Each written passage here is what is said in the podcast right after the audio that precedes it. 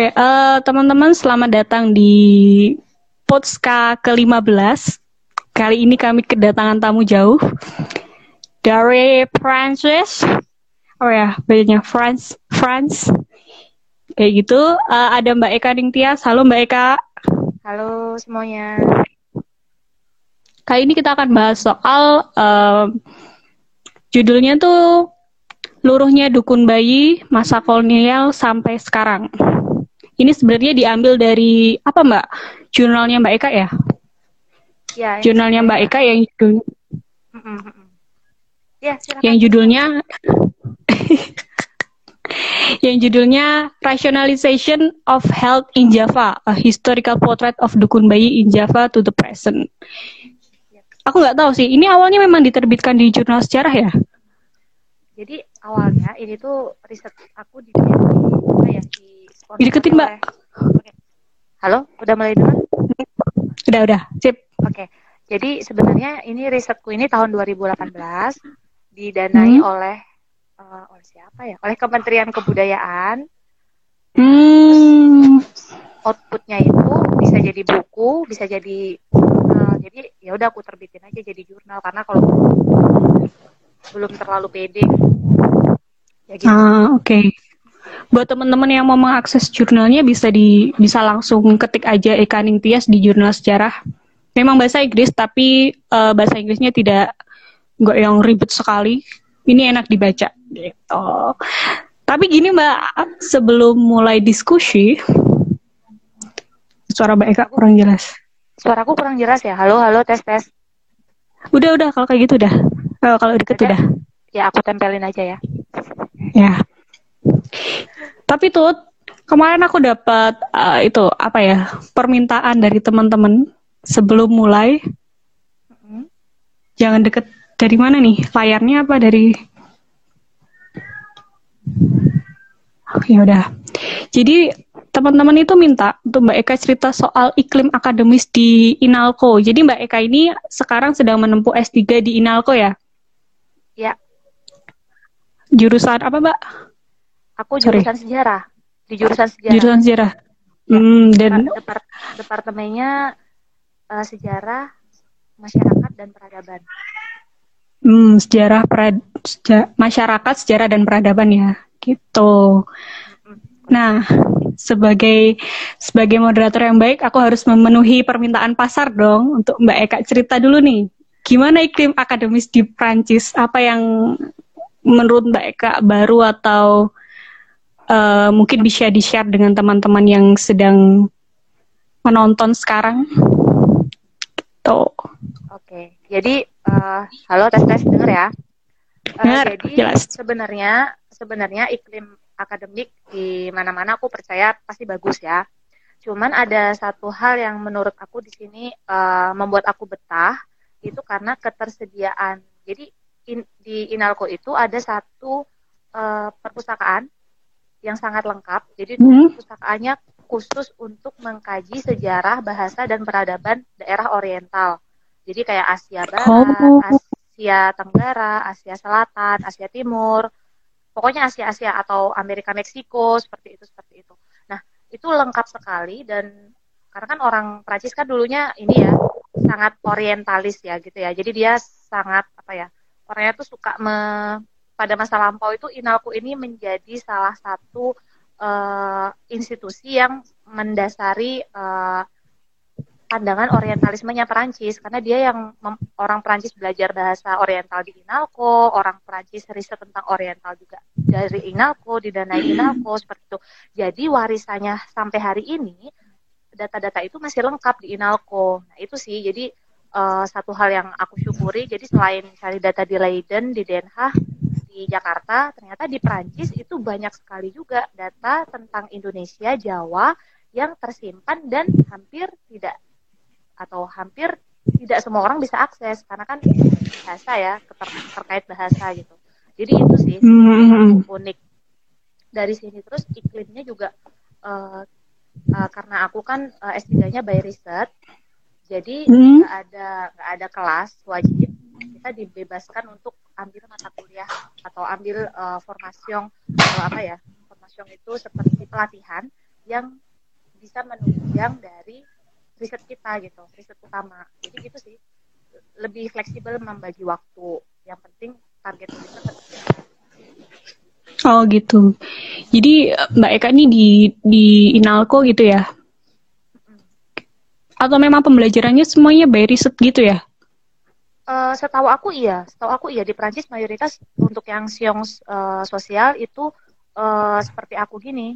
Jadi sistemnya itu by riset, kita langsung riset, kemudian di tengah-tengah riset itu kita harus ikut berbagai pelatihan atau loka karya. Karena kan di sini kan setiap laboratorium, jadi setiap student itu pasti engage sama laboratorium. Nah, setiap laboratorium hmm. itu rutin membuat seminar, diseminasi ide. Jadi masing-masing doktorong, masing-masing uh, student S3 itu presentasi dari apa yang sudah mereka kerjakan di situ gitu. Bisa bisa ada. Ah, oke oke. Okay, okay. Jadi sangat dinamis. Nah, kemudian kita harus ikut di situ, kita dengarkan apa ide yang sedang berkembang, kita kasih masukan atau kita bisa ambil uh, pelajaran yang oh ini kira-kira bisa nih aku kerjakan untuk case Jawa misalnya seperti itu. Jadi menurut aku uh, sangat dinamis ya. Selain kita kerja sendiri, mengerjakan riset kita, tapi kita juga dituntut uh, aktif uh, mendiseminasi ide kita gitu dalam seminar, baik itu menjadi peserta maupun sebagai presenter. Gitu sih. Oh oke. Okay. Jadi yang menarik nih pertama pengarsipannya Inalco, yang kedua adalah bagaimana riset itu jadi cara paling depan ya untuk menggali tema-tema yang diambil oleh para mahasiswanya, kayak gitu ya. Tapi ini Mbak, sebelum masuk ke diskusi aku mau tanya, mungkin dirimu bisa menjelaskan apa yang dimaksud dengan orientalisme? Ya orientalisme itu ya cara pandang uh, Eropa terhadap kita gitu. Jadi mereka punya stigma-stigma tertentu terhadap wilayah Orient. Hmm. Yaitu juga berdasarkan dari uh, akumulasi pengetahuan yang mereka ciptakan dari abad ke-18, 17, 16. Kemudian uh, Mbak Sugihar. Mas Sugi, Mas Sugi. Mas Sugi. Halo Sugi. Ya gitu sih. Mungkin bisa dibaca ya di Edward Said Orientalisme. Itu ada juga yang udah Oh iya itu. Ya, itu buku wajib itu. Semuanya harus. Iya iya. Jadi teman-teman kalau mau belajar soal Orientalisme itu bisa baca bukunya Edward Said. Ada di kalau di Jogja ada di SAB Sosial Agensi baru. Tuh. Oke, langsung masuk ke diskusi nih. Untuk teman-teman yang mungkin tertarik sama Mbak Inalko, eh sama Mbak Inalko, sama Inalko mungkin bisa langsung gitu ya menghubungi Mbak Eka atau tanya-tanya ke Mbak Eka. DM terbuka atau Mbak? Terbuka, silahkan. Kalau yang tertarik sekolah Sip. di Inalko, langsung daftar kursus bahasa Prancis dulu di IVI ya. Yes, itu. Itu yang penting. Oke, okay, jadi teman-teman, kembali lagi ke tema kita diskusi malam ini, kita akan bicara soal dukun bayi buat saya atau mungkin juga sebagian besar uh, para pendengar itu pasti merasa bahwa ketika dengar dukun bayi yang pertama terlintas itu adalah itu praktek yang tidak aman, tidak higienis dan juga mungkin sangat tradisional gitu loh, kuno. Nah, Mbak Eka dalam tulisannya ini sebenarnya sedang mencoba untuk memberikan gambaran sebenarnya dukun bayi di era kolonial itu seperti apa sih gambarannya dan juga di era-era selanjutnya ada hubungannya dengan politik pemerintahan juga dan juga uh, bagaimana kebijakan-kebijakan yang dilakukan oleh pemerintah kolonial hingga pemerintahan kalau dalam konteks ini orde baru sampai pemerintahan orde baru terhadap dukun bayi. Oke, langsung aja Mbak Eka. Ceritakan secara singkat Apaan nih? Yang mana? Pertanyaannya apa tadi? Tentang Ini aja. Uh, oh, mungkin dimulai dari pertama, kenapa sih Mbak Eka punya pikiran untuk mengangkat dukun bayi sebagai tema riset? Apa yang mendasari tulisan tulisan ini lahir? Kayak gitu. Itu dulu aja deh. Oke. Okay. Oke, okay, uh, eh, Erika, terima kasih pertanyaannya. Mungkin simpel aja jawabannya ya. Karena waktu itu aku dideketin, Mbak, itunya. Halo? Oke. Okay. Ya. Karena wak waktu itu aku habis melahirkan anakku yang pertama. Kemudian uh, karena aku kan orang Jogja dan latar belakangnya itu sangat masih sangat ini uh, yang apa ya di pedesaan gitu, terus masih tradisional juga uh, mbah-mbahku. Nah itu mereka itu menyarankan untuk yaitu harus selama 35 hari sejak kelahiran itu harus ke Mbah Dukun.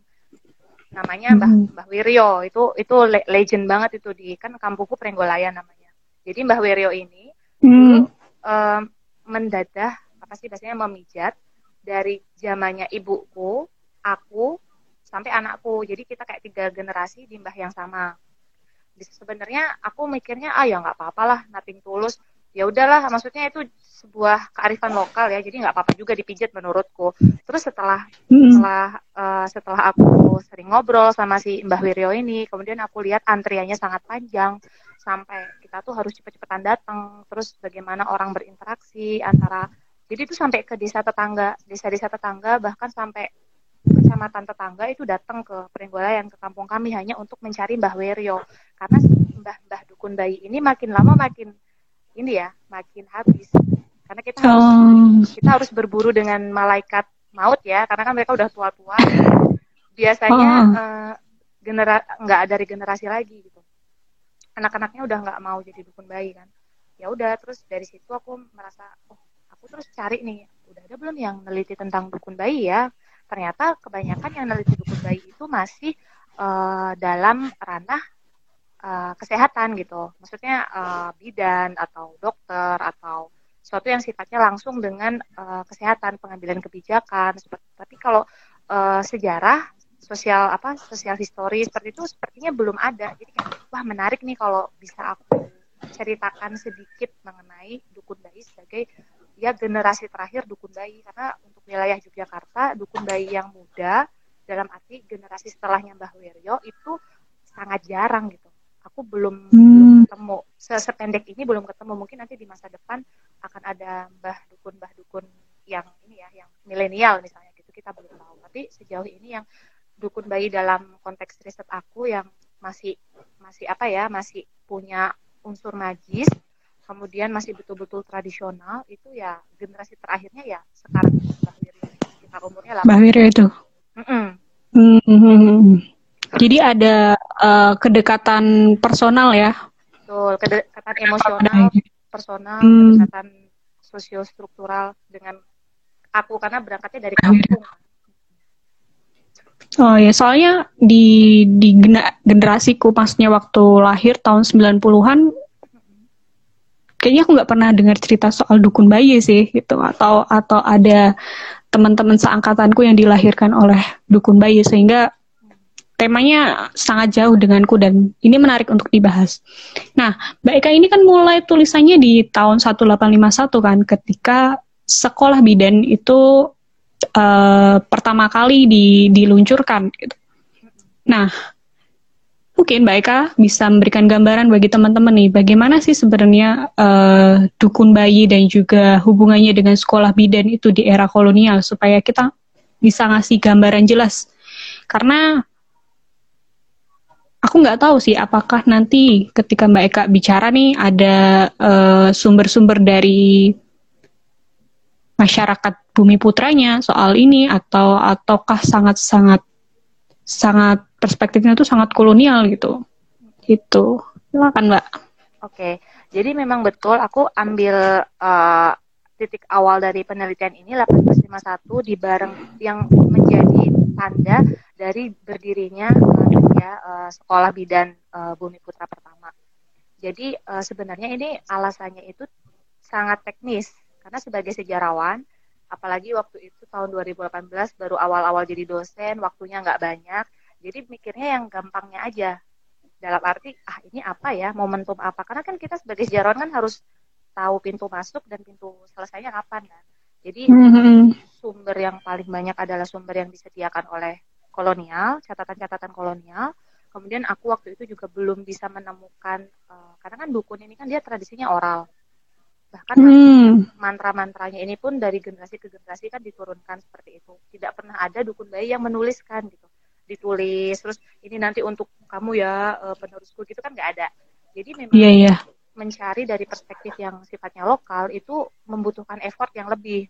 Bisa sebenarnya bisa. Ini mungkin akan jadi revisi ya untuk ke depannya. Mungkin bisa uh, cari atau effort lebih untuk mencari perspektif lokal. Mungkin bisa cari di babat-babat di periode yang sama sekitar 18 1800-an seperti itu.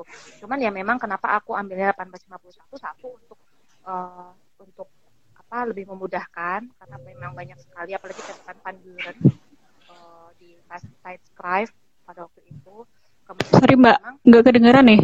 Okay. Nah, cip. Halo, sekarang udah? Dah, dah. Ya, itu ya, jadi untuk uh, mempermudah aku sebagai researcher, kemudian uh, memang datanya uh, melimpah dari perspektif kolonial, data-data yang disediakan oleh kolonial pada waktu itu.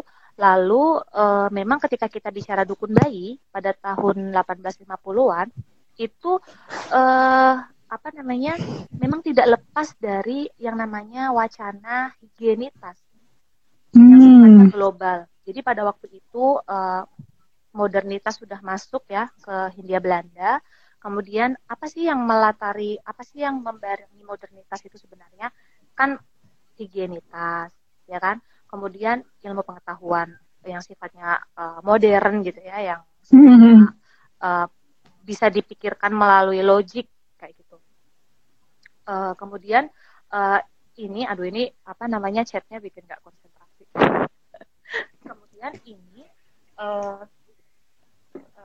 ini tadi 1851 ini ya itu tadi menjadi apa ya memudahkan aku untuk uh, meneliti seperti itu. Lalu kemudian uh, Erika pertanyaannya selanjutnya? Uh, kondisinya mbak hubungannya dengan sekolah bidan uh, apakah ada kebijakan-kebijakan nih Iya ada ada sekali jadi pada waktu itu memang sebenarnya uh, sekolah bidan ini sekolah sorry mbak nggak kedengeran lagi nih Sip. Oke. Okay. Jadi uh, sebenarnya sekolah bidan uh, yang dibentuk pada pertengahan abad ke-19 ini tidak jauh dari sekolah dokter Jawa. Jadi mereka itu kayak hmm. berjalan beriringan seperti itu karena memang sudah tuntutan dari modernitas ya untuk uh, apa ya uh, tidak bisa menolak lagi yang namanya uh, apa uh, kesehatan yang sifatnya dari barat seperti itu yang sifatnya medis seperti itu. Nah, kemudian uh, apa uh, kemudian ya itu tadi sekolah bidan ini latar belakangnya salah satunya dibentuk karena pada waktu itu banyak sekali kasus eh, orang-orang Eropa itu ketika akan melahirkan ya mereka ke, ke kesulitan karena tenaga medisnya terbatas tenaga medisnya terbatas kemudian ya udah alangkah baiknya jika memang sekolah ini di, di, dibentuk seperti itu. Kemudian ketika dibentuk akan uh, akan akan memudahkan atau akan membuat para ibu-ibu calon ibu ini lahir dengan uh, keadaan yang selamat, anaknya sehat seperti itu. Mm-hmm. Kemudian uh, pada waktu itu juga kan sudah mulai banyak uh, muncul priayi ya, maksudnya uh, golongan priayi yang dia itu orang orang bumi putra tapi punya, punya strata sosial yang baik. Nah mereka ini juga kesulitan karena uh, tidak tidak bisa berobat ke dokter Eropa, tapi juga tidak bisa berobat ke, ke dukun. Mereka ini belum punya ruang seperti itu. Nah, jadi uh, kelompok sosial yang baru ini akhirnya menjadi sasaran apa ya? Uh, empuk dari tadi bidan Bumi Putra. Kemudian akhirnya perempuan-perempuan Jawa direkrut oleh sekolah Bumi Putra ini, sekolah perempuan eh, sekolah bidan Bumi Putra ini untuk mengikuti uh, pelatihan atau apa ya sekolah seperti itu. Nah, kemudian yang menjadi pertanyaan adalah siapakah perempuan Bumi Putra yang paling layak untuk menjadi siswa? Hmm, ini okay. ini ada ini ada ada dua tahap. Yang pertama di di apa yang dipikirkan oleh uh, pemerintah kolonial pada waktu itu adalah ya udah kita uh, karena ini dukun bayi juga institusi sebagai institusi medis tradisional sudah berdiri, sudah settle, ya udah para dukun-dukun bayi ini kita gandeng. Kita gandeng lalu kita ajari, kita ajari tanda kutip untuk uh, bagaimana uh, maintaining uh, bayi dan juga ibu secara lebih higienis. Mereka ya mungkin dukun bayi ini diajari gitu loh. Enggak misalnya kalau dulu itu kan orang melahirkan di tanah ya, di apa pakai dipan itu loh yang pakai bambu. Kemudian ya udah terus ngirisnya itu pakai uh, apa namanya pring apa ya aku lupa namanya. Jadi pakai bambu bilah bambu yang sangat tajam dan itu kan kurang higienis harus dipanaskan dulu kan sebaiknya. Nah kemudian uh, harus logam dan itu dipanaskan seperti itu. Jadi ada unsur-unsur yang menurut uh, kacamata dari uh, kesehatan modern pada waktu itu tuh kurang higienis. Jadi mereka digandeng untuk diajak uh, ya diper, diperbaiki itulah uh, metode yang dipakai oleh si dukun bayi namun kemudian di tengah jalan ini menjadi permasalahan lagi. Karena apa?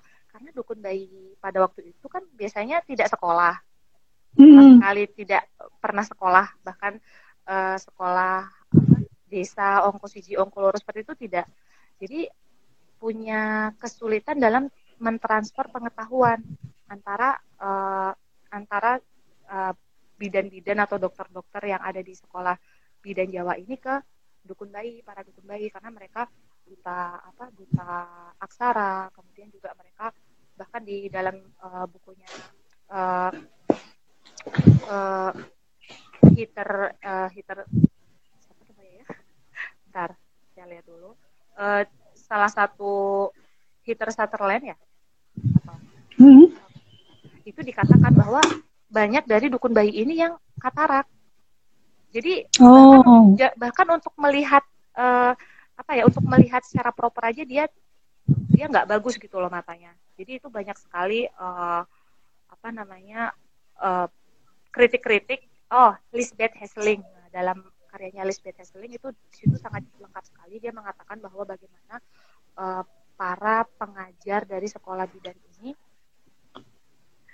uh, royalty. Jadi uh, para para uh, apa para pengajar itu merasa bahwa ya ini sulit sekali. Nah akhirnya generasi yang selanjutnya adalah yang direkrut itu perempuan-perempuan muda yang memang akan diarahkan untuk menjadi bidan bumi putra.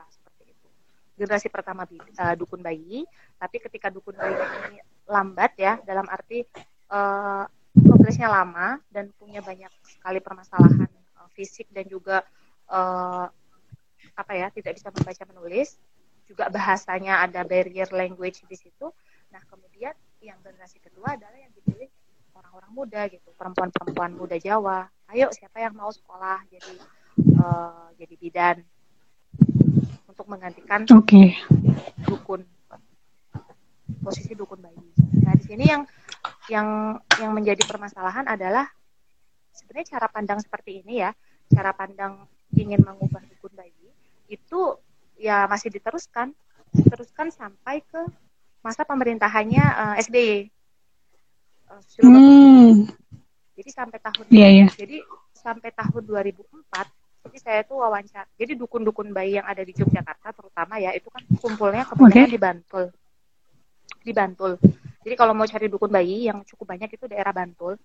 Di Mogiri seperti itu masih banyak. Nah, mereka ini uh, adalah generasi terakhir yang masih punya memori ketika dia itu masih boleh membantu orang melahirkan. Hmm. masih masih nggak cuman kalau sekarang kan uh, peran sosial dari dukun bayi ini kan tereduksi. Dia bukan lagi dukun bayi dalam arti membantu melahirkan proses melahirkan seperti dokter obstin seperti bidan bukan, tapi sekarang tidak lebih daripada tukang dadah. Tukang pijet gitu ya maksudnya. Ya, tukang hmm. pijet tukang pijat tapi masih pakai mantra-mantra seperti itu. Nah, di sini uh, du, uh, para dukun bayi yang saya wawancarai itu mengatakan bahwa ya memang eh, karena memang sudah tua dan dia mempunyai ingatan yang cukup berantakan mengenai waktu tahun, jadi agak sulit hmm. melacaknya. Cuman uh, setelah saya verifikasi dengan sumber lain itu sampai uh, pemerintahan awal SBY itu memang gencar sekali uh, mereka uh, para dukun-dukun bayi ini mendapatkan pelatihan. Jadi pelatihannya itu tidak cuma sekali dua kali, tapi kayak dulu pernah dapat zamannya Soeharto, terus zamannya ini dapat, zamannya ini dapat. Jadi dia piagamnya banyak gitu. Itu adalah hmm. effort dari pemerintah untuk memastikan bahwa dukun bayi ini betul-betul berada di ranahnya. Ranahnya ya tukang pijet gitu loh, tukang dadah tidak boleh lagi bantu orang melahirkan. Pun jika ingin bantu orang melahirkan, dia sifatnya hanya membantu bidan desa. Bukan aktor utama gitu loh. Aktor utama yang me, apa ya, mengeksekusi atau membantu proses persalinan. Mungkin saya jadi melebar ke mana-mana ya, tapi poinnya adalah kenapa 1851 karena memang sumber-sumbernya lebih lengkap di situ. Kemudian yang kedua, uh, saya ya sertifikasi oh, sertifikat tukang pijat bukan. Sertifikasi hmm. bayi ada namanya. Nah kemudian uh, yang kedua adalah kesulitan mencari sumber uh, primer sumber primer lokal yang bersifat lokal yang itu diproduksi oleh dukun bayi sendiri. Saya belum pernah menemukan. Kemudian ya lebih memudahkan riset karena ketersediaan. uh, apa, arsip dan juga uh, wacana-wacana yang ada dalam majalah dan juga koran cukup lengkap sejak tahun 80. Oh, oke. Okay. Uh, ini aku ringkaskan sebentar ya. Jadi Mbak Eka ini memulai tulisannya itu tahun 1851 ketika sekolah bidan berdiri dan berdiri karena uh, dipilih tahunnya karena memang akhirnya ada pertentangan secara jelas nih antara pengetahuan kesehatan modern yang dibawa oleh kolonial dan juga dukun bayi gitu. Ada upaya untuk menjadikan dukun bayi itu bagian dari tenaga kesehatan modern kayak gitu. Tapi uh, ya pada akhirnya memang kurang berhasil juga gitu. Dan yang jadi catatan penting adalah ternyata arsip soal dukun bayi ini kita bisa bilang nyaris nihil ya. Mbak Eka belum menemukannya ya. Belum, belum. Tapi sebenarnya kalau kita mau rajin ya, mau rajin, cari hmm? di mungkin cari di Serat Centini atau di Babat Tanah Jawa, seperti itu mungkin ada atau di Babat Diponegoro. Misalnya benar-benar mau membaca satu persatu aspek uh, apa proses melahirkan, siapa tahu ada. Tapi saya sampai sejauh ini belum pernah mencoba. Hmm. Bisa jadi okay. uang untuk riset selanjutnya bagi teman-teman dari perspektif. Iya, yang minat tuh bisa. Uh, ini beda dengan ketika awal abad 19 ada catatan dari Belanda kalau nggak salah namanya siapa ya? Van Brunen? Van Buren. Uh, Van Van Buren ya? Van Buren yang dia uh, mengatakan bahwa wah praktek dukun bayi ini sudah tidak uh, ilegal tidak higienis tidak tidak aman dan juga dia menyebutnya itu sebagai malaikat maut gitu. Jadi ah ya membingungkan juga ya. Ini memang jadi jadi catatan penting itu untuk meng, mengulik kembali kalau seandainya ada yang ingin fokus secara secara luas untuk bahas ini. Oke, okay, uh, eh, teman-teman ini diskusinya tentu saja tidak satu arah. Teman-teman boleh bertanya ke Mbak Eka langsung. Ini sebenarnya tadi udah ada dua pertanyaan atau mau diselesaikan dulu nih Mbak? Oh iya, aku tuh yang era eranya si siapa jenis? Eranya Soekarno dan juga di ya, ya, itu belum ya? Ini Soekarno dan juga Soeharto. Ya, ini pembicaranya abal-abal nih, nggak persiapan. Kamu udah kirim tor ya? Si, si, si. Udah, udah, udah. Atau aku bacain aja nggak apa-apa sih, Mbak? Oh. Iya, boleh, boleh. Yang ini ya, yang pertanyaan ke empat ya berarti ya. Hmm. Oke, jadi uh, sebenarnya tadi kan udah aku secara, uh, secara singkat bagaimana sebenarnya upaya uh, memodernisasi uh, sistem kesehatan yang ada di Indonesia itu sebenarnya kita tidak bisa bilang hitam putih ya. Maksudnya, uh, wah Belanda ini ingin Belanda ini ingin menghilangkan unsur-unsur lokalitas dari Indonesia misalnya seperti itu. Kita nggak bisa bilang hitam putih seperti itu, tapi kita harus lihat ini secara keseluruhan bagaimana sebenarnya uh, diskurs kesehatan antara dukun bayi versus uh, tenaga medis modern itu memang bagian dari modernitas yang tidak bisa kita tolak. Itu itu entah uh, cepat atau lambat itu diskusi seperti ini pasti akan muncul. Nah, itu sangat kentara sekali munculnya ya memang dari pertengahan abad ke-19 seperti itu. Nah, di sini uh, tadi memang sudah disampaikan uh, sama Erika sedikit tentang Van Buren. Itu bisa di teman-teman lihat. Itu ada lengkap di uh, di majalah Science Crime. Uh, bisa juga dicek di delmarkranten.nl itu ketika aja Van Buren nanti keluar semua. Itu dia memiliki diary atau memiliki catatan yang sangat lengkap mengenai sorry mbak dideketin mbak. Nggak denger ya? Oke. Okay. dia nah dia dia dia memiliki diary gitu ya. Kan dokter biasanya kalau lagi riset kan dia nyatu di jurnal. Hmm, saya hmm. begini. Dia itu punya diary yang menceritakan bagaimana dia merekrut dua orang uh, dukun dukun eh, dua orang pemudi Jawa dua orang perempuan Jawa yang akan diarahkan jadi bidan namanya Tasminten dan Jasminten kalau nggak salah Nah, hmm. kedua orang Ingat aku. kedua orang ini diceritakan uh, oleh Van Buren dengan uh, sangat detail bagaimana walaupun keduanya sama-sama orang bumi putra dan sama-sama belum belum apa ya belum melek huruf belum belum melek pendidikan barat ini punya output yang berbeda. Yang satu sangat lambat yang kedua sangat cepat. Jadi yang yang satu lebih disukai oleh Van Buren karena komunikasi lebih jalan dia lebih cepat lebih cepat belajar sedangkan yang satu lebih lambat. Cuman yang lebih lambat ini ternyata hasilnya lebih banyak membantu uh, ibu yang ibu yang akan melahirkan seperti itu. Ini kita bisa lihat bagaimana sebenarnya ada upaya uh, yang dilakukan oleh uh, apa namanya uh, institusi institusi uh, kesehatan modern untuk memodern untuk memasukkan dukun bayi ini menjadi mengangkatnya dari institusi tradisional yang tidak higienis tadi ya diangkat atau disetarakan, distandardisasi masuk ke sistemnya uh, mereka yang tadi yang basicnya higienis, pakai alat-alat modern, sudah mengurangi tahayul. Karena memang dalam uh, wacana yang uh, wacana yang saya temukan dalam berbagai uh, jurnal atau sorry berbagai koran lokal dan juga yang berbahasa Jawa maupun yang berbahasa Belanda itu ada ini ada ada pertentangan gitu ada diskurs dan counter diskurs mengatakan bahwa uh, dari pihak uh, Van Buren mengatakan kalau dukun bayi ini uh, sangat tidak higienis. Dan juga dia men men menyaksikan sendiri bagaimana para ibu-ibu ini dipaksa untuk ketika mau melahirkan itu nggak boleh menjerit. Jadi suruh diem aja. Hmm. Karena apa? Oh, iya, iya. alasannya dukun bayi karena waktu bikinnya aja kamu diem-diem, masa waktu melahirkannya kamu teriak-teriak kayak gitu. Jadi ini hmm. adalah satu alasan yang menurut Van Buren itu apa ya? Uh, hal yang sebenarnya itu nggak ada kaitannya gitu loh dengan dengan kesehatan. Ya kalau mau mau teriak ya teriak aja gitu, nggak nggak ada sesuatu yang signifikan dari teriak atau tidak teriak. Kemudian uh, yang paling yang menurut Van Buren bahkan itu diskusi itu masih berjalan sampai hari ini adalah sampai sejauh mana atau sampai eh kapankah anak itu sebaiknya diberi makan. Itu kan kalau kamu kalau kamu kalau kamu mau googling ya, itu pernah ada hmm? bayi umur dua bulan itu meninggal karena disuapin pisang oleh neneknya.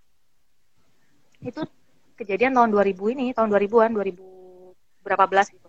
Nah, ini juga terjadi 150 tahun yang lalu, 170 tahun yang lalu bagaimana sebenarnya e, menurut menurut apa ya, pengetahuan barat mengatakan bahwa anak ini ususnya belum siap gitu loh. Jangan dikasih makan dulu. Sedangkan pengetahuan lokal kita mengatakan kasihan kalau anak nangis itu tandanya lapar, maka harus dibikinkan dikepel ke sego. Jadi nasi itu dikepel. Saya ingat banget dulu tuh uh, saya pernah lihat ya.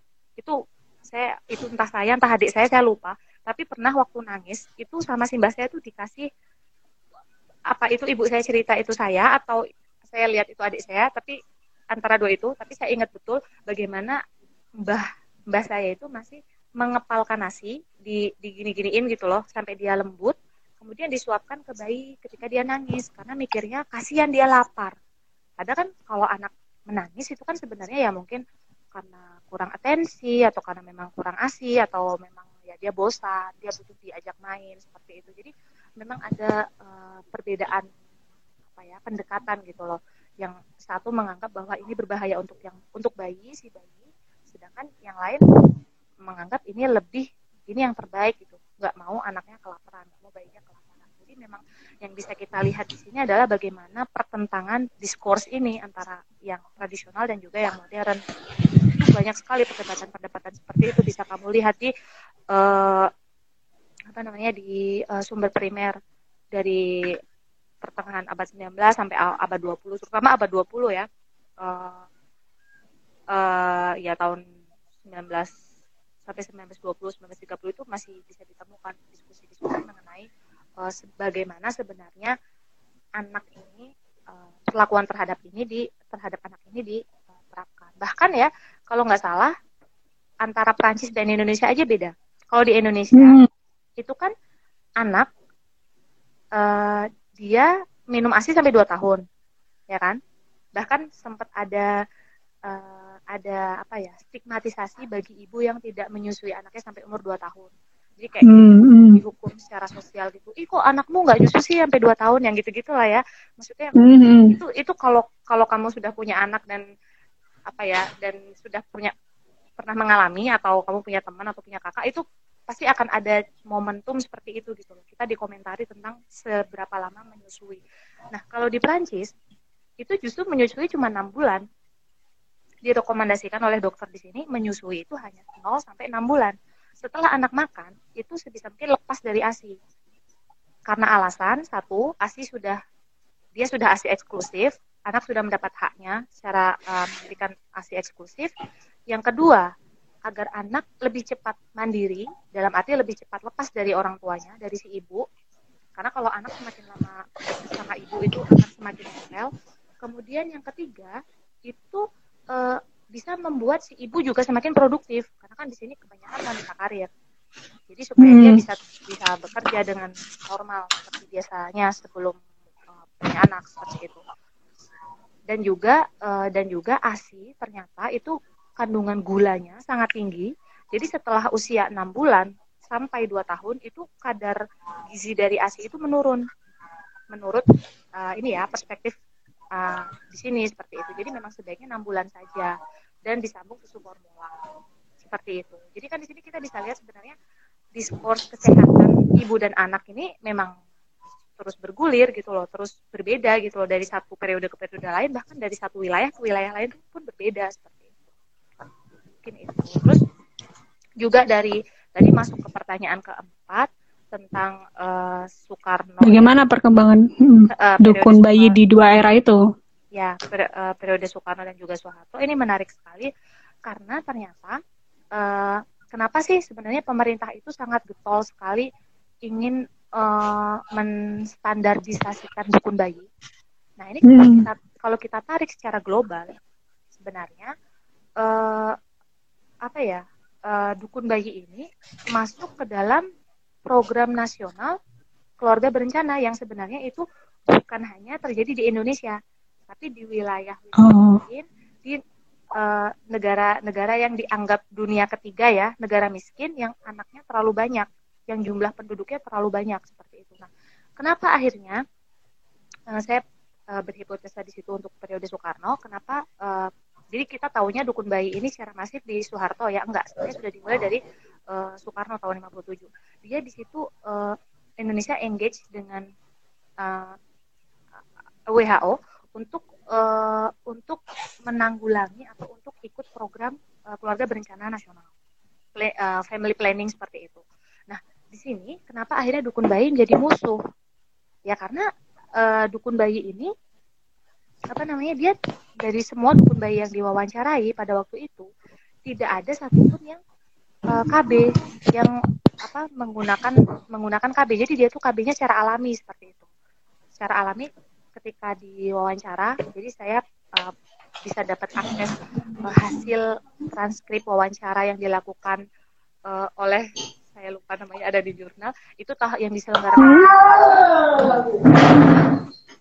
yang diselenggarakan oleh uh, yang diselenggarakan tahun 78 itu disebutkan bahwa uh, kenapa kok nggak pakai KB kalaupun ingin menunda kelahiran apa yang dilakukan? Seperti itu. Nah di sini di, di, di, dijawab bah, bahwa yang dilakukan untuk menunda KB itu bukan pakai pil KB. Dukun itu punya pendapat lain tapi menggunakan pijit wale namanya. Pijit wale itu pijit apa?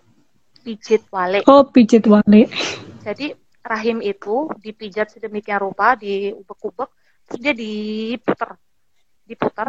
Jadi namanya pijat wale. Jadi dia sudah tidak bisa lagi, uh, maksudnya dia sudah tidak bisa lagi uh, hamil gitu setelah dipijit wale.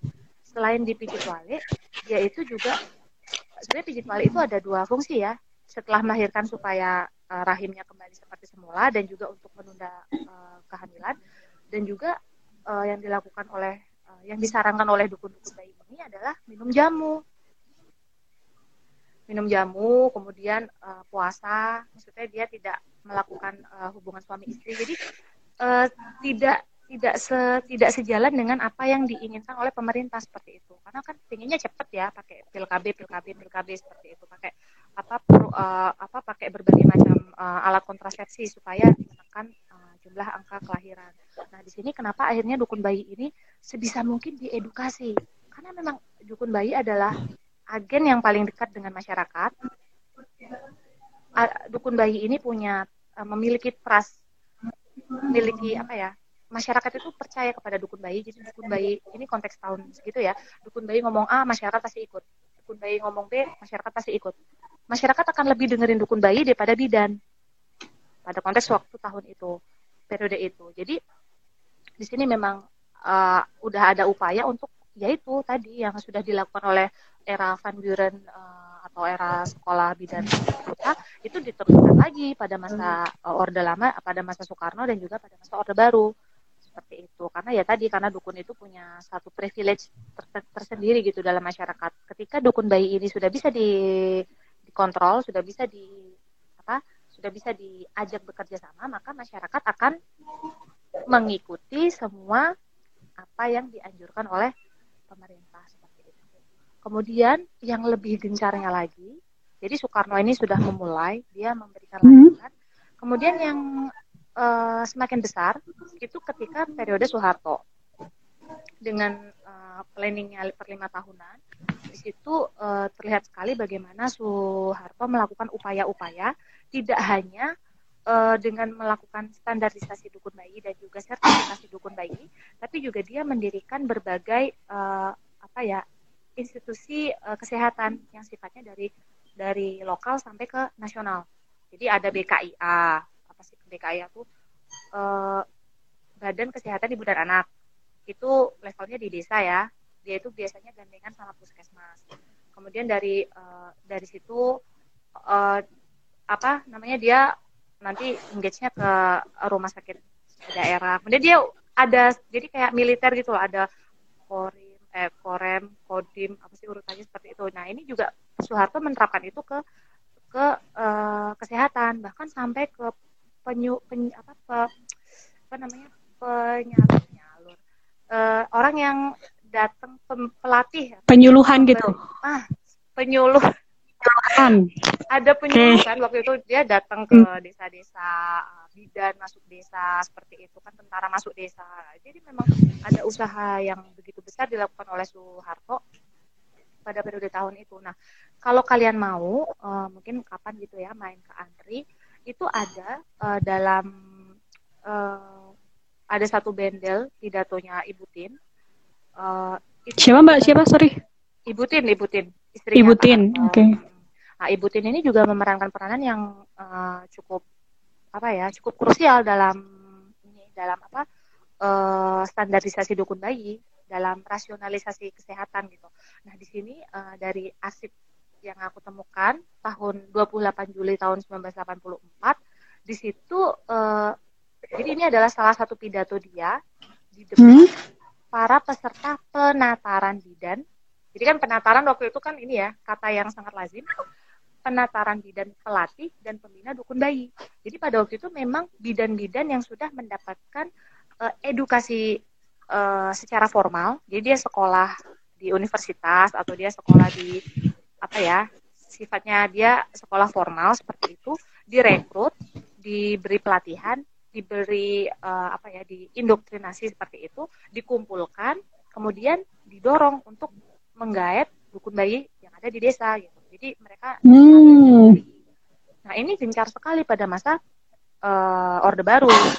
Kita bisa kita kalian bisa lihat dalam pidato-pidatonya Putin bagaimana dia ini aktif banget pidato di depan para uh, para bidan, di depan uh, eh, BKKBN, di depan DKIA, kemudian uh, di depan apa sih organisasi-organisasi kesehatan yang ada pada waktu itu, dia sering sekali memberikan pidato. Nah, itu ada satu bundle namanya uh, apa ya kumpulan tertib bucin. Jadi ada di situ cari aja yang berkaitan dengan buku bayi itu cukup cukup banyak. Hmm oke okay, oke. Okay. Uh, um, oke. Okay. Gimana? Masih ada?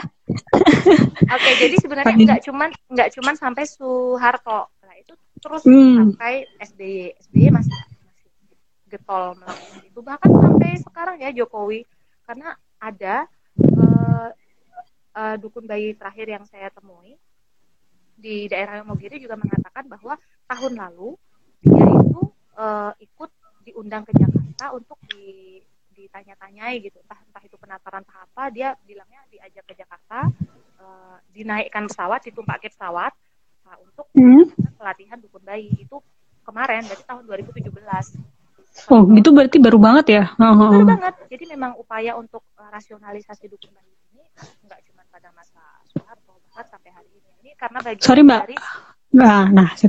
Okay. Uh, jadi memang upaya untuk merasionalisasikan kesehatan di Indonesia yang berkaitan dengan dukun bayi ini adalah upaya yang upaya jangka panjang seperti itu. Bagian dari apa ya? Suasana modernitas yang nggak bisa kita hindari sampai sekarang. Itu Erika. Oke, okay, berarti ya memang dari era kolonial ketika ide untuk uh, memberikan pendidikan pendidikan kesehatan pada pada dukun bayi ini berlanjut di era-era selanjutnya gitu ya.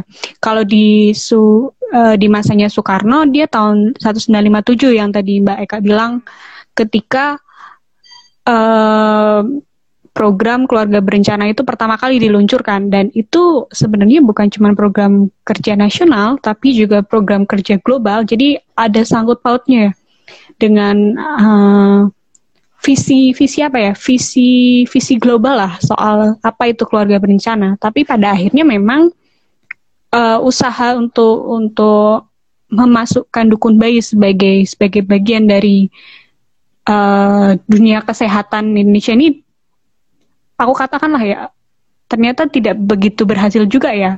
Ketika di eranya Suka, Soeharto kita mengenal sertifikasi dukun bayi, entah itu apakah yang dimaksud sertifikasi dukun bayi mem, mem, mem, meminta dukun bayi untuk membantu kelahiran bidan atau hanya sebatas sebagai tukang pijat gitu. Gitu ya Mbak ya. Dan tahun 8 tadi berapa tahun 8 berapa? 84 ada ada ada pidato nih dari Putin. Wah, menarik juga nih untuk uh, para bidan mengajak uh, apa namanya para bidan untuk terjun langsung menggayat dukun bayi kayak gitu ya? 84 itu ya? Yang pidatonya Putin tadi? Iya betul betul. Hmm. terus ternyata itu masih berlanjut sampai sekarang 2017 nah ternyata entah suatu yang uh, diperdebatkan dua abad lalu masih berlangsung sampai sekarang gitu. Nah, Uh, oh ya Mbak Eka, aku mau ingetin. Nanti kan kalau live IG kita kan satu jam itu kan mati ya, live IG-nya otomatis mati.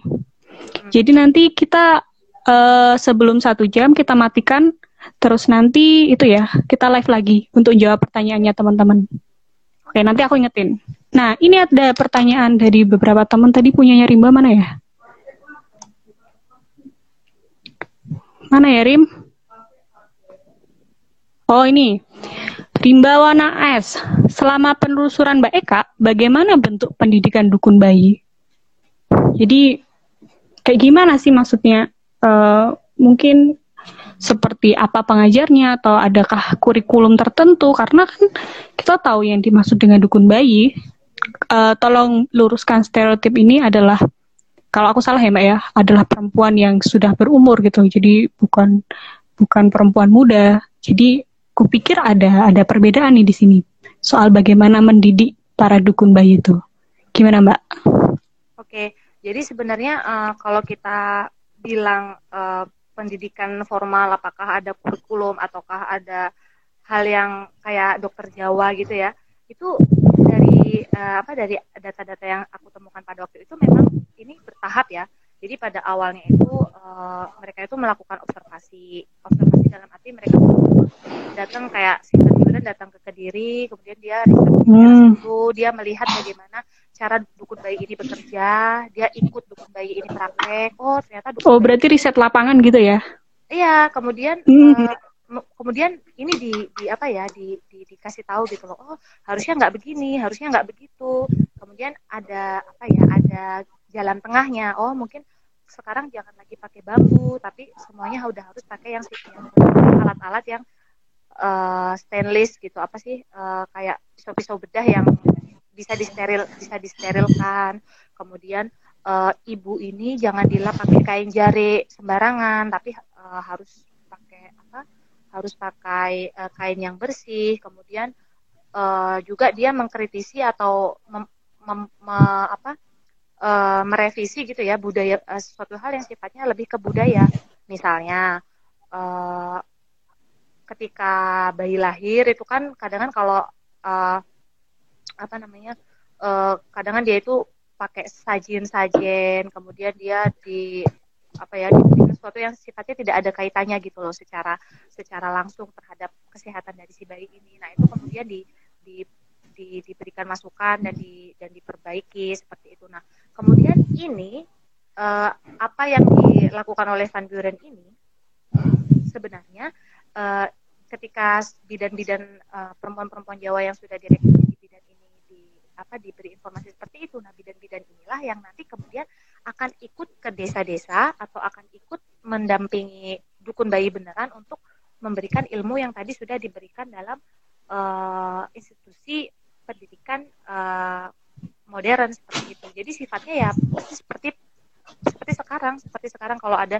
bidan uh, bidan desa dan juga apa memberikan pelatihan kepada uh, dukun bayi seperti itu. Nah, kalau kurikulumnya seperti apa itu tidak jauh berbeda dengan apa yang diajarkan oleh sekolah dokter Jawa yang untuk laki-laki. Hmm, oke. Okay. Itu bahkan gedungnya pun tidak tidak jauh seperti itu. Nah, tapi uh, hal yang sangat mendasar adalah mereka-mereka ini langsung terjun, langsung terjun ke bukan terjun juga sih, olah-olah kan ada distingsi ya. Mereka langsung uh, datang ke ke satu situs gitu misalnya ke diri nah mereka langsung itu berinteraksi dengan uh, dukun yang sebenarnya dan memberikan informasi atau transfer of knowledge tentang bagaimana sebenarnya seharusnya melakukan uh, treatment terhadap bayi seperti itu Erika. Oh, Oke, okay. uh, teman-teman ini jadi highlight ya. Jadi untuk mendapatkan data yang tepat riset lapangan adalah kunci. Gitu. Apa ya istilahnya? Turba, turun turun ke bawah itu. Terus ada pertanyaan lagi nih dari Mas Habib. Kalau sepanjang temuan Mbak Eka, dukun bayi ini hanya ada di Jawa, bagian tengah khususnya Jogja atau di daerah lainnya ada ya? Terus dia juga menambahkan ini, ketika sudah direduksi hanya sebagai dukun pijat, saat ini praktek, praktek dukun bayi masih kental dengan hal-hal yang tidak rasional sebagaimana zaman dahulu. Itu pertanyaannya. Ya, jadi uh, di mungkin bisa dilihat di jurnal yang aku tulis itu, di situ aku me menuliskan satu sub chapter, eh sorry, satu sub, sub bagian tentang terminologi dukun bayi. Sebenarnya dukun bayi hmm. ini uh, ada di mana-mana. Dari Sabang sampai Mereka itu ada, cuman namanya beda-beda. Kalau di Gayo di Aceh itu namanya dukun kampung. Terus kalau dukun di, apa? Kampung. Dukun kampung. Kemudian hmm. kalau di kalau di daerah Jawa Barat ya namanya Paraji. Kemudian itu namanya hmm, Paraji. Tapi, sebenarnya uh, maknanya sama gitu. Jadi perempuan yang mendapat kepercayaan dari masyarakat lokal sekitar itu untuk membantu persalinan para ibu yang ada di situ melahirkan seperti itu persalinan uh, ibu yang ada di sekitar situ jadi poinnya adalah perempuan mendapat kepercayaan dan juga ya ilmunya itu turun temurun gitu. Dia dapat uh, apa dapat kepercayaan itu karena ya dulu mbahnya dukun atau mbah buyutnya dukun seperti itu. Dan ini di mana mana sama. Ini cuman kenapa sekarang bayi? Ya karena memang dalam uh, apa terminologi yang umum dipakai pada hari ini gitu dukun bayi. Memang agak terlalu Jawa ya Jawa sentris ya dukun ya ya itu itu itu itu apa uh, satu konsep yang disepakati hari ini seperti itu. Tapi itu di mana-mana ada, poinnya di mana-mana ada. Hmm, oke. Okay. Um, mungkin karena Mbak Eka khusus melakukan risetnya di Jogja, jadi kesannya hanya ada di Jogja, padahal ada di semua tempat dengan nama yang berbeda-beda ya. Ada, ada, ada. Terus ini tadi pertanyaannya yang satu lagi. Uh-uh. Ketika sudah direduksi hanya sebagai dukun pijat, saat ini praktek dukun bayi itu masih dikaitkan dengan hal-hal magis nggak? Masih, masih. Oh, Jadi, ini ini ini nyambung nih Mbak dari dari dari chatnya Mahdi Subagya. Iya, apakah hanya di, ada di Jawa saja? Sepertinya di Kalimantan tidak ada karena mendengar istilah dukun bayi di Jawa dan kaget. Bayangannya seperti dukun yang di mantra-mantra gitu. Nah, emang ya kalau kita uh, apa namanya? Kalau kita buka kamus bahasa Indonesia itu emang dideskripsikan ya nggak lebih dari uh, suatu hal yang magis atau mantra kayak gitu-gitu ya. ya, ya. Nah kalau sekarang nih setelah jadi dukun pijat apakah stigma-stigma soal uh, suatu hal yang magis itu pada akhirnya masih bertahan nggak sih Mbak? Oh. Masih, mas, masih, masih. Jadi uh, sebenarnya dukun bayi ini meskipun dia uh, mengalami reduksi fungsi dan peran dalam masyarakat, tidak lebih dari dukun bayi, eh sorry, tidak lebih dari tukang pijat bayi dan juga tukang pijat ibu setelah melahirkan, tapi unsur magisnya itu masih ada, masih melekat. Contohnya, jadi anak anakku itu dari dia lahir umur hmm?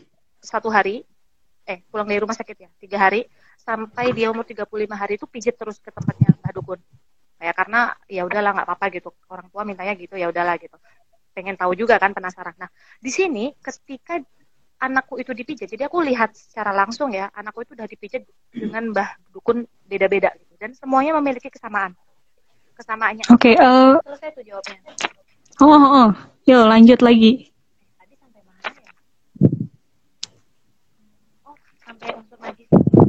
Sorry, Mbak. Mikmu belum belum itu belum masuk. Nah. Yang lubangnya di deket tit. Jadi unsur unsur magis ya. Nah, jadi e, memang dukun bayi ini masih pegang pegang ini, pegang unsur apa unsur magis yang itu masih dipercaya oleh para pasiennya gitu. Para orang yang percaya gitu. Karena kan e, itu bisa dilihat dari bagaimana mereka mentreat si dukun eh si anak si anak-anak ini jadi anak-anak itu ketika dipijat itu akan dibacakan mantra itu di dibacakannya di sini di ubun-ubun. Hmm. Kalau nggak kalau nggak ubun kalau dia kalau dia lagi duduk gitu didudukkan di ubun-ubun. Tapi kalau dia lagi posisi didudukkan itu di telapak kaki. Di ada itu di di jurnalku bisa dilihat di dibaca sendiri anunya apa mantranya apa tapi kurang lebih isinya seperti itu memang dewa dewi yang disebutkan itu beda beda ada yang uh, ada yang dewanya Roro Kidul, ada yang uh, entah unsur magis apa yang dipercayai oleh si dukun itu yang disebutkan. Tapi poinnya adalah dia meminta bantuan semesta, bantuan semua uh, sang hyang, semua dewa dewi yang ada di alam semesta ini untuk menjaga si anak ini gitu dari segala malam malam malapetaka disemburkan di sini dan juga di ujung kaki apa di telapak kaki seperti itu kemudian Hal ini juga diterapkan ketika mijat ibunya, mijat perut ibunya. Saya nggak nggak pernah pijat pijat perut ya di ibu bayi karena hmm. maksudnya takut gitu, takutnya ada ada gimana gimana. Jadi saya belum bisa cerita, cuman uh, tante saya kemudian uh, ada juga uh, kerabat gitu yang melakukan itu dan memang sama-sama mendapatkan uh, mantra-mantra gitu, mendapatkan pasuwo ya disuwo gitu di di jampi gitu didoain dia masih memegang peranan bahkan ketika anak panas ketika anak panas dukun bayi itu punya satu kesamaan satu visi yang sama yaitu dia itu meminta semua ibu menyimpan pusar kering anaknya. Hari-hari ah. Bukan hari-hari kalau hari-hari kan bukan ya? bukan. Jadi anak itu kan biasanya masih ada pusarnya yang kering kan di perut. Nah hmm. itu biarlah tiba-tiba ini tiba-tiba copot sendiri. Nah, ketika copot itu disimpan, disimpan di dalam plastik atau apa pun lah, disimpan dimasukin. Oh, yang coklat itu ya? Ya, ya kulit nah. kering lah. Gitu. Jadi kalau anak itu sakit, panas, si tadi itu si apa uh, besar yang kering tadi itu dicelupkan ke air panas, celupin, terus diminum, diminumkan ke anak. Nah nanti anak itu hmm. sembuh, menurut dukun bayi ya. Nah itu Harum ya, apa ya culture shock gitu loh ya, ya, itu adalah itu adalah cara pandang mereka institusi tradisional ya yang mempercayai kalau anak biar nggak panas demam dikasih celupan dari ininya. Karena kan itu bagian dari kosmologi bagaimana sebenarnya uh, kakang kawah adi ari atau mm. uh, saudara, saudara yes yes. yang ada di dalam perut uh, yang ikut lahir itu punya kekuat apa punya hubungan itu ya lewat pusar tadi itu. Jadi saudaranya atau apa ya saudaranya yang akan membantu menyelamatkan ketika dia ketika dia itu panas. Tapi saya nggak praktekin itu sih. Cuman saya masih simpan ininya pusar anak. Tahu nanti kalau kepake. Karena memang pusar ini akan sampai kita tua gitu ya sampai kita dewasa itu kalau kita demam itu dicelupin itu bisa sembuh gitu. Menurut keyakinan dari uh, bayi. Eh tapi itu aku pernah uh, dengar dengar ini sih uh, memang bagian pusar ari-ari itu sepertinya ada ada prosedur kesehatannya deh. Jadi ada ada satu bank yang memang menyimpan entah bank atau apa yang memang bisa menyimpan ari-ari untuk untuk untuk nanti kalau seandainya uh, si si si pribadi ini ada ada ada apa ya? Ada kondisi khusus gitu loh. Jadi kayak tak sakit tak apa itu. Tapi aku nggak tahu sih. Mungkin kita harus cari lebih lanjut lagi apakah di medis. Aku kayaknya pernah baca itu sih. Ya, ya. Itu terus hari -hari. tadi itu hari-hari ya bukan hari-hari. ya. Oh beda ya. Beda bagian ya. Beda bagian. jadi sebenarnya aku sayang banget uh, belum baca punyanya Sunardi. Jadi dia cerita kalau temennya yang di Merauke itu juga sepertinya tadi apa ya bilang ada ada dukun bayi juga di sana gitu. Cuman ya karena terbentur waktu tadi jadi belum sempat aku baca secara full. Terus tadi kayaknya Mas Dedi tanya deh. Hari-hari kayak dianggap saudara atau pelindung gitu nggak sih? Ah, gimana? Itu hari-hari kayak dianggap saudara atau pelindung gitu nggak sih? Iya betul betul betul. Hmm. Menurut uh, kepercayaan Jawa seperti itu. Mas Dedi kayaknya kamu tadi tanya deh. Belum belum sempat ku catat tuh pertanyaanmu sebelumnya. Bisa dikirim ulang kah? Ini ada pertanyaan dari ini nih, Mas Fahro Fahru Rozi. Oh iya Mas Habib. Oke, tadi gimana tadi pertanyaannya Mas Habib? Aduh, mana tadi? Uh... Ada tiba-tiba teringat tetangga Aing di Wonosari ada yang jadi dukun bayi. Tapi beliau sudah wafat lebih dari 10 tahun yang lalu. Hmm. Betul. Memang ini adalah kalau kalian mau riset tentang dukun bayi masih bisa banget. Kita berkejaran dengan malaikat maut karena memang semakin lama semakin menipis ya dukun bayi yang betul-betul masih memiliki unsur magis, bukan yang baby spa gitu bukan. Nah ini memang, memang udah gak ada lagi hmm. generasinya. Bahkan dukun bayi yang Mbah Wiryo yang di kampung saya itu di Prenggolayan itu udah nggak ada nggak punya harus. Hmm uh, itu ya memang uh, aku nggak tahu sih uh, dukun bayi itu kan memang uh, lahir dari satu ilmu pengetahuan yang diturunkan satu generasi ke generasi lainnya ya sehingga akhirnya terputus juga. Nah tulisannya Mbak Eka ini, kupikir bisa jadi semacam kayak arsip ketika nanti suatu saat orang bertanya, oh ya ada ya fenomena seperti ini, fenomena dukun bayi yang ternyata selama dua abad nih masih dipertentangkan terus-menerus nih. Modernitas dan juga tradisional, uh, aman tidak aman, higienis tidak higienis. Sehingga buat teman-teman yang mungkin sekarang nonton, aku pikir uh, pembahasan tema-tema seperti ini penting untuk digali lagi gitu. Karena seperti tadi Mbak Eka cerita soal dukun bayi yang kesulitan atau mungkin susah untuk mencari uh, arsip dari pihak Bumi Putra. Nah, tulisan-tulisan macam ini mungkin kelak akan diguna akan bisa digunakan gitu loh. Bagaimana kita masyarakat Bumi Putra sendiri itu melihat fenomena dukun bayi gitu. Terus ada pertanyaan lagi dari Mas Habib, eh Mas Denny. Apakah ada reaksi dari masyarakat Jawa khususnya dukun bayi terkait terkait rasionalisasi atau modernisasi yang mengancam otoritas mereka. Jadi adakah semacam kayak protes, kritik atau uh, bentuk-bentuk kayak gitu loh Mbak? Ya. Uh, makasih ya Mas Dani pertanyaannya. Jadi uh, kalau pada masa Orde Baru, pada masa Soeharto ada ada ada resistensi dari uh, dari para dukun bayi. Mereka melakukannya dengan cara tidak ikut dalam pelatihan yang di diselenggarakan oleh bidan. Ya udah mereka nggak ikut aja gitu.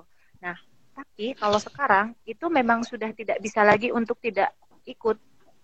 Karena memang kalau misalnya nanti dukun bayi ini tertangkap tangan uh, membantu persalin proses persalinan tanpa pengawasan dari bidan yang punya otoritas uh, legal formal yang membantu uh, membantu kelahiran ibu eh sorry kelahiran anak itu nanti bisa kena, kena uh, pidana Hmm, berarti ada sanksinya.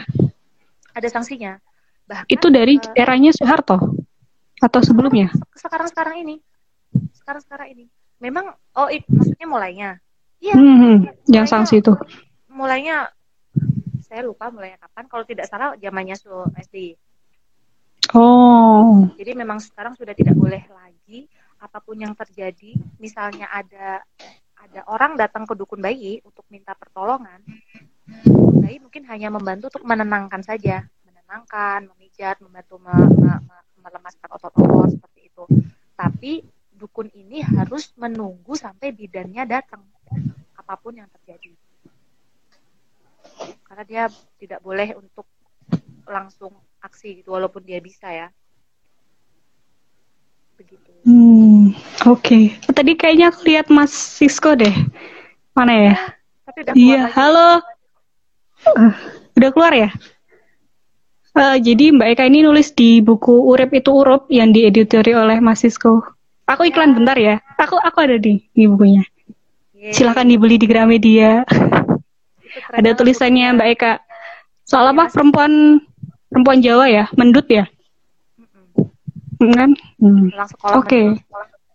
Oh, oke. Okay. Terus ada teman-teman yang mau bertanya lagi atau berbagi cerita soal Oh, ada Mas Habib lagi. Ah, nih, tidak aku bacakan saja. Tidak ikut penataran atau pelatihan dari pemerintah sepertinya jadi ciri khas perlawanan kelompok masyarakat yang terpinggir, terpinggirkan terhadap negara di zaman Orde Baru. Wes, gila ini wah Nah ini anak ini nih, anak aksi nih kayaknya nih. Iya, aduh, gimana sih di mantan ketua hima ini? Oh, Tapi iya, mungkin hima. ketua hima apa? Hima, hima pendidikan sejarah tahun berapa ya mas ya? 2009. Ah, eh, gak deh. Okay. Gak, gak, gak tau deh, lupa aku. 2011 gak ya? Tapi memang kayak gitu ya. Uh, kayaknya memang dari awal dari era kolonial juga mengalami itu ada ada ada resistensi sendiri kan dari dukun dukun bayi itu. Nggak cuma di era SBY ketika ada sanksi gitu tapi sebelumnya memang memang ada. Karena kan dukun bayi ini kan uh, mereka yang punya dianggap sebagai orang yang punya kekuatan spesial eh kekuatan pengetahuan khusus. Dan juga aku pikir ada ada pengikutnya itu nggak cuma satu dua gitu kan ya pak ya, ya kalau sekarang kalau kita cari berita gitu ya bayi itu pasti asosiasinya tentang pengguguran kandungan. Jadi karena kan kalau apa sih namanya pengguguran kandungan tuh aborsi ya? Eh hmm. iya aborsi ya. Hmm, aborsi. Jadi kalau ada kelahirannya tidak diinginkan itu kan biasanya kan uh, karena malu atau karena apa gitu ya ingin dihilangin gitu kan. Nah itu hmm. ke dokter kan nggak bisa Hmm. Bisa, tapi harus punya surat nikah, harus gitu-gitu kan. Nah, sedangkan kan ini inginnya disembunyikan gitu. Nah, yang dicari kemudian adalah dukun bayi biasanya. Karena dukun bayi ini kalau anaknya itu belum sampai tiga bulan, si bayi cabang bayi ini belum sampai tiga bulan, itu dengan diurut-urut, dengan dipijit-pijit sedemikian rupa itu bisa luruh ini ya uh, apa janinnya. Janinnya. Oh. Jadi ya jadi memang terkadang sisi lainnya dari dukun bayi orang yang ingin melakukan aborsi. Nah ini sebenarnya jadi refleksi bagi kita juga gitu. Kenapa hukum aborsi itu di Indonesia dilarang? Harusnya kan nggak apa-apa gitu. Kalau memang itu uh, bisa menghindari kelahiran yang tidak diinginkan daripada hmm. dia dudukun, daripada dia dudukun bayi terus pendarahan meninggal, ya kan? Atau memang kemudian masih anak SMA atau masih anak SMP karena hamil dinikahkan, kemudian anak itu lahir dari orang tua yang belum siap, itu kan kita melahirkan satu generasi yang yang gagal gitu kan yang tidak siap gitu kan. Padahal kan untuk melahirkan sebuah seorang manusia itu kan memang butuh kematangan emosional dan juga uh, apa ya kesiapan kesiapan sosial dari orang tua dan juga dari lingkungannya lingkungan yang lain gitu jadi ini oh, iya. bisa jadi bisa jadi refleksi kita semua gitu. Kenapa harus ada uh, orang kedukun bayi untuk menggugurkan kandungan? Kenapa tidak dilihat lagi ini hukum tentang aborsi ini? Apakah bisa di kalau di Perancis kan legal boleh. Hmm. boleh kalau belum. Dengan syarat tertentu ya? Enggak syarat tertentu boleh. Misalnya, oh boleh. misalnya ada perempuan belum menikah terus uh, dia hamil uh, dari hubungan yang belum menikah gitu ya dan dia tidak siap untuk melahirkan anak itu karena dia belum bekerja atau dia belum lulus kuliah atau apa. Dia tinggal datang ke dokter kandungan. Dia menceritakan permasalahannya. Saya hamil ini ini ini dan itu di bawah tiga bulan tapi ya di bawah tiga bulan. Di bawah perutnya sebelum perutnya besar. Kemudian nanti uh, dia akan minta rekomendasi dari dokter ini kalau saya ingin menggugurkan kandungan apakah bisa? Dan nanti dokter akan ya akan kembali menanyakan ke, ke orang tua si pasien. si pasien hmm. uh, kamu perlu ketemu sama uh, psikolog untuk menceritakan ini gitu. Apakah nanti takutnya kamu menyesal kan? Takutnya ada depresi setelah dilakukan kok menyesal terus malah depresi itu kan juga jadi permasalahan lain. Tapi poinnya adalah boleh. Hanya dengan minum pil aja. Pil sekali minum ditunggu di toilet nanti anaknya akan keluar. Jadinya akan keluar. Saya tahu persis ini. Saya tahu persis prosesnya. Jadi ya udah nanti nanti akan dibungkus plastik udah. Boleh dibawa pulang boleh di disimpan di lab itu apa di di klinik itu. Semuanya. oh tapi itu ya akan akan jadi kalau di sini mungkin akan jadi perdebatan yang panjang ya, ya betul, uh, betul, masuk betul. ke masuk ke ranah moral betul, betul. masalah moralitas juga dan lain sebagainya. Belum lagi nanti kita berhadapan dengan banyak kelompok-kelompok sosial di semacam kayak ada pertempuran pertempuran gitulah. jadi ya, itu akan jadi perdebatan yang sangat panjang lagi mungkin. Jangan-jangan sampai dua abad lagi nih sama kayak dukun bayi gitu kan. iya kan? Ya, jadi uh, itu. Oh ya, uh, aku kemarin baca di buku Urip itu Urup nih. Yang bisa dibeli di Gramedia. Kalau masih. Uh, di buku Ripu itu Urup itu tuh ada tulisannya Mbak Martina juga yang bahas soal dukun ya Mbak ya? Oh kan? Betul betul betul. Nah, nah, ya. uh, nah itu uh, teman-teman kalau sayangnya baca jadi dukun itu bukan semata-mata soal itu ya soal uh, perempuan tua yang punya ilmu atau satu hal yang magis gitu. Tapi uh, ada beberapa catatan dari Belanda yang mengatakan bahwa oh iya kalau seandainya kalian mengkaji lagi sebenarnya dukun-dukun ini mau dukun secara umum ataupun dukun bayi itu tuh punya kemampuan untuk uh, mendeteksi soal tanaman yang diperlukan untuk obat-obatan dan juga bagaimana uh, kearifan-kearifan lokal gitu dan sebenarnya kalau seandainya digali itu juga suatu yang rasional juga kayak gitu. Itu juga yang tahun 1925 atau eh 1825 1875an gitu.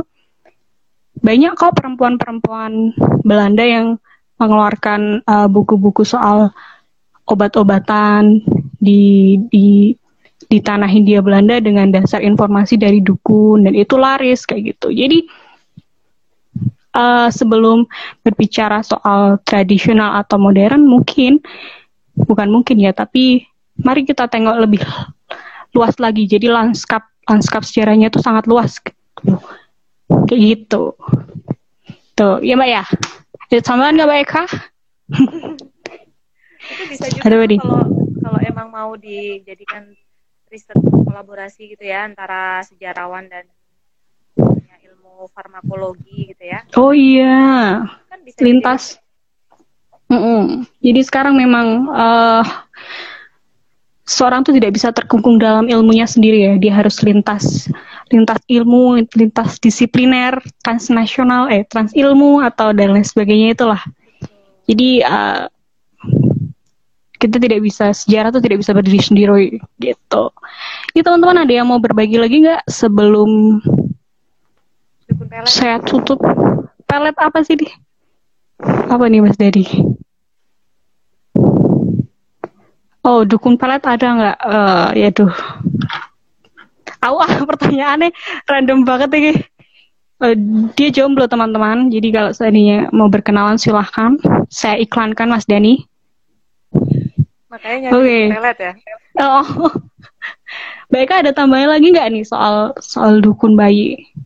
Ya mungkin tambahan aku uh, tadi ya riset aku itu kan masih sangat umum sekali masih sangat luas. Mm. jadi kalian bisa mengambil apa ya meneruskan gitu ya. Misalnya tadi dari perspektif lokal kalau bisa dapat sumber lokalnya akan sangat bagus. Atau tadi yang ide dari uh, ide dari Erika tadi bagaimana misalnya menelusuri uh, pengetahuan dari dukun bayi ini misalnya uh, tadi obat-obatannya betul terbukti secara ilmiah apa seperti bisa mengobati gitu ya membantu menyembuhkan itu kan bisa di bisa menjadi riset yang panjang gitu. Kemudian itu sih mungkin aku akan senang sekali kalau ada yang meneruskan riset ini gitu. Atau ada yang ada yang tertarik untuk uh, mengkaji tentang dukun-dukun lain saya dukun sunat dukun kan ada tuh di Jogja Bogem daerah Bogem. Hmm, ada apa tuh bang di Bogem ada, sunat ada, oh dukun sunat ya ya hmm, yang gede banget itu ya oh, oh di kiri jalan Apanya? Oh rumahnya. oh. rumahnya, rumahnya. Pokoknya yang kalau dari arah Jogja kiri jalan. Hmm, benar-benar. Masih banyak kan? Terus ada dukun tulang, sangkal putung. Hmm, hmm. Belum ada yang ini, belum belum ada yang apa belum ada yang meneliti secara komprehensif. Jadi bisa bisa juga gitu loh ini riset yang masih sangat luas jadi masih bisa dikerjakan oleh teman-teman yang mungkin mau ngerjain skripsi gitu. Nah itu ternyata temanya masih sangat luas untuk dibahas dan uh, sebelum terlambat ya karena bagaimanapun juga uh, kebutuhan akan arsip itu sangat krusial gitu. Jadi buat teman-teman yang mau menulis, Mbak Eka sudah memberikan satu langkah buat teman-teman yang ingin memperpanjang langkahnya Mbak Eka lagi uh, bisa konsultasi nih. Oke, okay, uh, aku pernah punya pengalaman sangkal putung. Iya, yeah, Mas Denny, iya. Yeah. Oke, tadi pertanyaannya sangat menarik. Uh, aku suka sekali karena teman-teman tadi sudah berbagi cerita bahwa, wah aku baru kenal nih yang namanya dukun bayi. Di Merauke juga ternyata ada nih nama-namanya itu kan. Dan uh, cerita-cerita soal soal bagaimana sebenarnya Rimba sendiri juga dilahirkan pakai dukun bayi nih, tapi tadi ternyata dia nggak cerita. Harusnya cerita itu. Serius? Serius? Iya serius, serius. Wow. Tapi dia nggak cerita deh. Kalau cerita kan asik gitu wow. jadi uh, begitulah uh, mungkin memang kita tidak bisa membenturkan modern dan tradisional terus ya oh Nardi Nardi tadi kamu cara cerita soal fit Fitri ya tadi Fitri gimana aku belum sempat baca semuanya mumpung belum ditutup bisakah dirimu berbagi soal Fitri tadi di Merauke belum nah jadi poinnya juga Erika uh, yang masalah hmm? bayi dan juga tadi ya institusi modern atau tradisional itu kita nggak bisa kita putih ya itu kita lihat sebagai bagian dari modernitas yang nggak bisa kita tolak. Jadi wacana seperti ini akan terus ada gitu dalam bentuk yang berbeda dalam periode yang berbeda juga. Ya kita kan sebagai anak sejarah, sebagai orang yang di bidang sejarah kan cuma punya dua uh, apa, landasan